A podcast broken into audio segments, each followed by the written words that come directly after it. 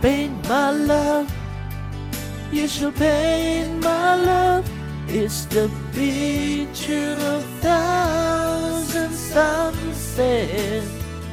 It's the freedom of a thousand doves. Maybe you should paint my love. Oke, kembali lagi bersama gue Sakan Minta di podcast obrolan multi chat. Ya seperti biasa gue bakal temenin kalian semua selama 10-15 menit ke depan. Dan ya semoga kalian bisa enjoy mendengarkan podcast yang gue bikin kali ini. Oke, uh, topik hari ini adalah gue tuh pengen cerita kalau gue itu habis staycation di Sentul di tanggal 24 sampai 26 kemarin dan menurut gue ini bisa dibilang adalah best part dari 2020-nya gue ya. Jadi ya uh, seru lah, seru gue bisa kumpul sama teman-teman gue. Terus kemudian ya padahal kita tuh sebenarnya juga nggak ngapa-ngapain, kita cuman bersantai-santai di sana selama dua hari gitu kan. Tapi kayak hidup bareng mereka dua hari itu seru gitu. Jadi kayak kita masak bareng, makan bareng, nonton bareng, berenang bareng gitu kan. Enak lah pokoknya. Dan menurut gua staycation itu adalah uh, liburan gue yang paling pas dengan gua gitu loh. Uh, karena gue tuh kan tipenya mageran nih. Jadi uh, ya sebenarnya gue kurang suka nih kalau misalkan gue pergi ke suatu tempat dan mengunjungi landmark-landmarknya buat foto gitu loh ya karena gue juga nggak gitu suka berfoto ya dengan tampang yang pas-pasan gini kayaknya mau foto kayak gimana pun agak susah gitu untuk masuk ke feeds Instagram gitu ya. Walaupun ada lah beberapa gitu oke. Okay. ya uh, apalagi ya? Oh gue pengen cerita uh, kenapa gue itu pakai lagu Pain My Love di sini. Karena uh, jadi gini pada saat kita jalan ke Sentul ya Jakarta Sentul sebenarnya nggak jauh-jauh banget lah ya. Paling satu jam dua jam kita udah sampai gitu kan. Cuman masalahnya adalah uh, audio di mobil gue itu lagi rusak gitu dan lagi diperbaikin sehingga mobil gue tuh nggak punya audio. Dan uh, kampretnya temen gue itu selalu nyanyiin lagu Paint My Love di mobil terus kemudian juga pas nyampe di staycation dia juga puterin lagu Paint My Love terus kemudian pulangnya juga dia nyanyiin lagi lagu Paint My Love gitu loh. Bisa dibilang kayak Paint My Love ini adalah lagu uh, soundtrack dari staycationnya kita gitu loh. Jadi ya semua yang ikut staycation kemarin itu pasti uh, terngiang-ngiang lagu stay uh, apa terngiang-ngiang lagu Paint My Love. Oke, okay, uh, apa ya? Maksudnya aktivitas seru yang kita lakukan sih sebenarnya standar ya, standar ya kayak teman-teman biasa lah. Kita duduk ngobrol, terus ya minum dikit lah gitu, terus berenang karena di uh, sana juga udah disediain poolnya kecil gitu, terus kita makan bareng gitu kan ya standar sih. Uh, cuman staycation kali ini juga cukup mengubah uh, apa ya pandangan gue atau mengubah hidup gue gitu loh. Jadi gue berasa gue tuh udah bukan orang yang sama lagi. Kenapa? Karena gini uh, ceritanya itu pada saat hari terakhir kita staycation jadi uh, di tanggal 26 uh, pagi-pagi sebelum kita mau pulang itu kan ya biasa lah teman-teman tuh kan pada iseng gitu ya jadi uh, gue mau diceburin ke kolam gitu kan nah uh, karena sebenarnya kolamnya tuh pendek jarak dari apa ujung ke ujungnya tuh pendek gitu kan. Jadi pada saat gua mau diceburin gua itu sok-sokan gitu loh. Bisa dibilang kayak mungkin mencoba akrobat ya. Jadi gua lompat dari ujung yang satu ke ujung yang lain gitu kan.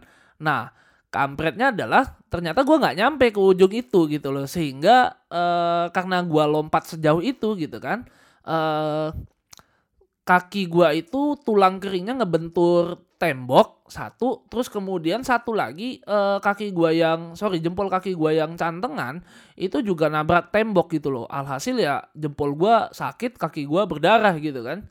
Dan uh, ya memang sebenarnya cantengannya udah lama Da, tapi kalau misalkan nggak diganggu gugat sebenarnya dia nggak sakit. Cuman karena dia kebentur gitu kan jadi sakit lagi. Dan gue udah berusaha untuk ngorek-ngorek pakai ini kan. Biasa gue bisa ngorek pakai gunting kuku buat gue gunting supaya nggak sakit dan hari ini nggak bisa gitu loh. Jadi gue memutuskan untuk uh, apa nyabut uh, kuku kakinya gitu loh. Jadi ekstraksi kuku kaki gitu. Kuku kaki kukaku. Jadi bisa kayak gitu ya. Ya uh, oke. okay uh, jadi gue putuskan untuk ekstraksi kuku kaki. Uh, sebelumnya gue telepon dulu nih ke kantor karena kan gue punya asuransi di kantor. Dan uh, gue tanya apakah uh, ekstraksi kuku kaki ini termasuk dalam uh, cover asuransinya. Dan mereka bilang termasuk. Oke okay, gue seneng dong jadinya. Wah enak nih termasuk. Jadi gue bisa uh, datang ke rumah sakit dan gratis gitu kan. Jadi ya gue seneng banget gitu. Karena ya memang sebenarnya problem uh, kuku kaki gue ini adalah masalah lama gitu. Udah lama banget kuku kaki gue itu cantengan dan sakit gitu. Setiap uh, setiap beberapa bulan sekali itu gue rutin buat ngorek-ngorek kuku kaki gue dan gue potong sendiri gitu. Jadi ya gue jujur gue happy banget tuh pada saat gue tahu kalau ini gratis gitu kan.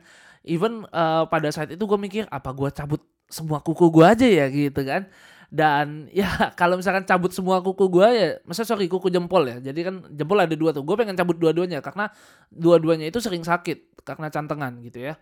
Oke uh, ujuk-ujuk gitu kan. Gue datang ke rumah sakit gue nunggu nih gue nunggu. Nunggu cukup lama sekitar dua jam gue datang itu jam 8 sampai jam 10 gue baru dipanggil masuk ke IGD jadi uh, untuk ekstraksi kuku kakinya itu uh, bisa dilakukan oleh dokter umum. Jadi gue cukup ke IGD gitu kan, disuruh tunggu sebentar.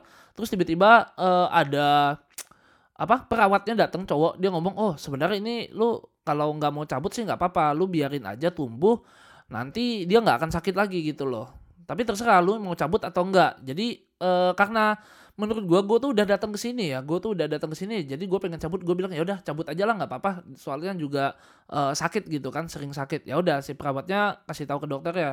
Dan dokter juga bilang cabut aja ya. Ya udah gue juga merasa oke okay, cabut nggak apa-apa gitu kan. Nah uh, ini nih nih ini adalah part yang mengubah hidup gue ya. Jadi kalau lu lihat di apa ya lihat di video-video Facebook atau mungkin di video-video di TikTok gitu kan pada saat uh, ada kuku yang cantengan mereka itu kayaknya enak banget gitu loh. Kalau ngikis-ngikis kukunya atau mungkin motongin kukunya kayaknya seolah-olah tanpa rasa sakit gitu kan. Dikorek-korek gitu terus dibenerin kukunya sehingga nggak cantengan lagi gitu.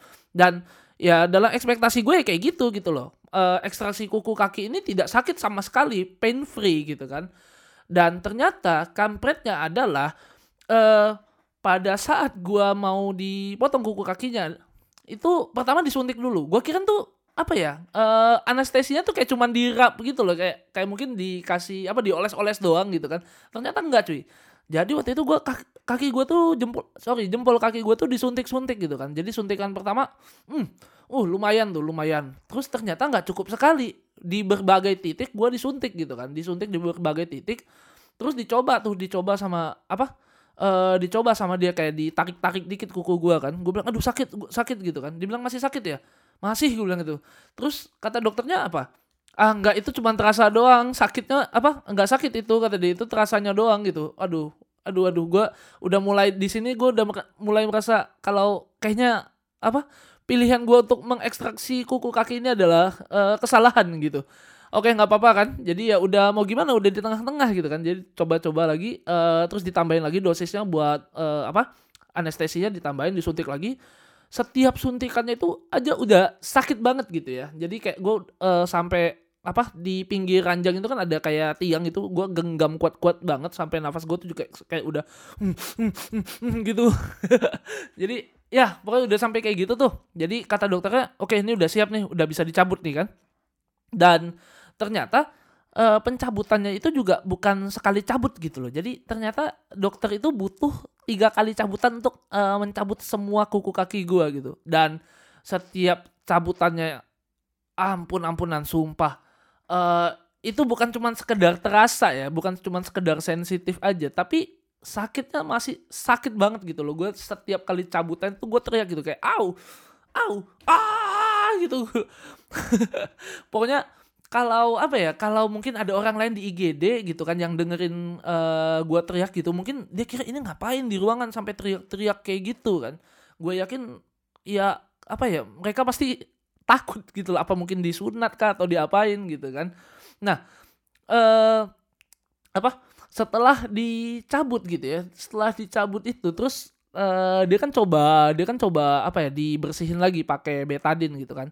Nah karena apa karena dagingnya itu masih sangat sensitif banget jadi kayak daging baru gitu kan. Jadi even dia cuman nyentuh dikit aja pakai uh, kapas gitu kan itu gue sampai lompat hampir nendang dokternya gitu loh. Ya aduh uh, sumpah ini bener-bener apa ya uh, life changing lah buat gue jadi gue tahu rasanya kuku kaki dicabut dan uh, apa ya gue tuh bener-bener kemarin-kemarin clueless banget. Even tadi gue udah bilang kan gue sampai mikir kalau gue tuh pengen cabut dua kuku kaki sekaligus gitu. Jadi uh, pesan moral buat apa ya uh, buat aktivitas gue yang ini buat kalian yang cantengan juga jangan dicabut cuy. Sakit banget sakit banget. Better ya gue gue lebih milih untuk apa ya gue tahan sakitnya gitu kan kemudian nanti gue congkel-congkel sendiri lagi gitu di rumah gitu supaya nanti dia nggak sakit terus mungkin gue betadinin sendiri gitu kan kayaknya lebih enak kayak gitu dan itu cuma dirasain dua bulan ya paling dua bulan atau tiga bulan sekali lah dan nggak sesakit itu gitu loh Oke, okay. oke okay, itu uh, pengalaman gue buat apa ya nyabut kuku kaki ya berarti ya.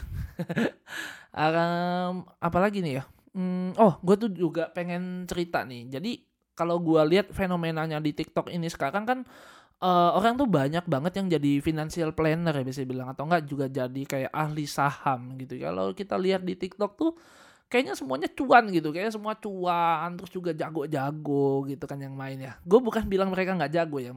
Oke, mungkin mereka jago. Gue nggak tahu mereka jago beneran atau enggak. Tapi ya kalau uh, kita lihat mereka apa di TikTok dia cuan ya berarti dia jago gitu anggapan gue asumsi gue dan juga ya gue turut berbahagia lah lihat mereka bisa cuan gitu kan tapi uh, yang pengen gue kasih tahu adalah uh, apa ya pasar saham atau investasi tuh nggak seindah itu gitu loh. Uh, dan lu tuh apa ya maksudnya possible banget untuk rugi dan mungkin bisa dibilang rugi itu nggak apa-apa gitu asal lu siap. Kenapa gue bilang asal lu siap ya? Jadi gini, uh, pertama menurut gue uh, investasi itu adalah ketika lu tuh udah punya duit. Jadi kalau lu belum punya duit ya udah nggak apa-apa, nggak usah mikir investasi dulu, jalanin aja ya kayak biasa gitu kan.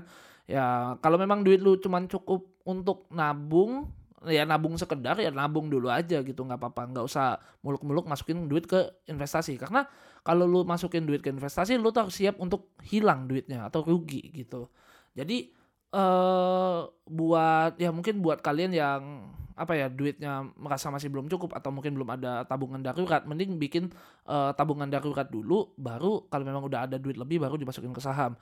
Karena gini uh, pengalaman gua uh, selama main saham gitu kan selama, ya gua sebutnya main ya nggak apa-apa gua nggak uh, misalnya gua nggak nggak uh, gitu suka sebutnya ya dagang lah atau apa ya menurut gue sama aja lah sebutannya kalau kalau di orang-orang kan ada bilang harus sebutnya dagang lah bisnis lah gitu. Ah menurut gue itu cuma permainan kata-kata aja gitu. Ya selama gue main saham gue main saham mungkin udah tujuh tahun lah. Bisa dibilang dari gue kuliah sampai sekarang. Oh belum sekitar lima tahun berarti.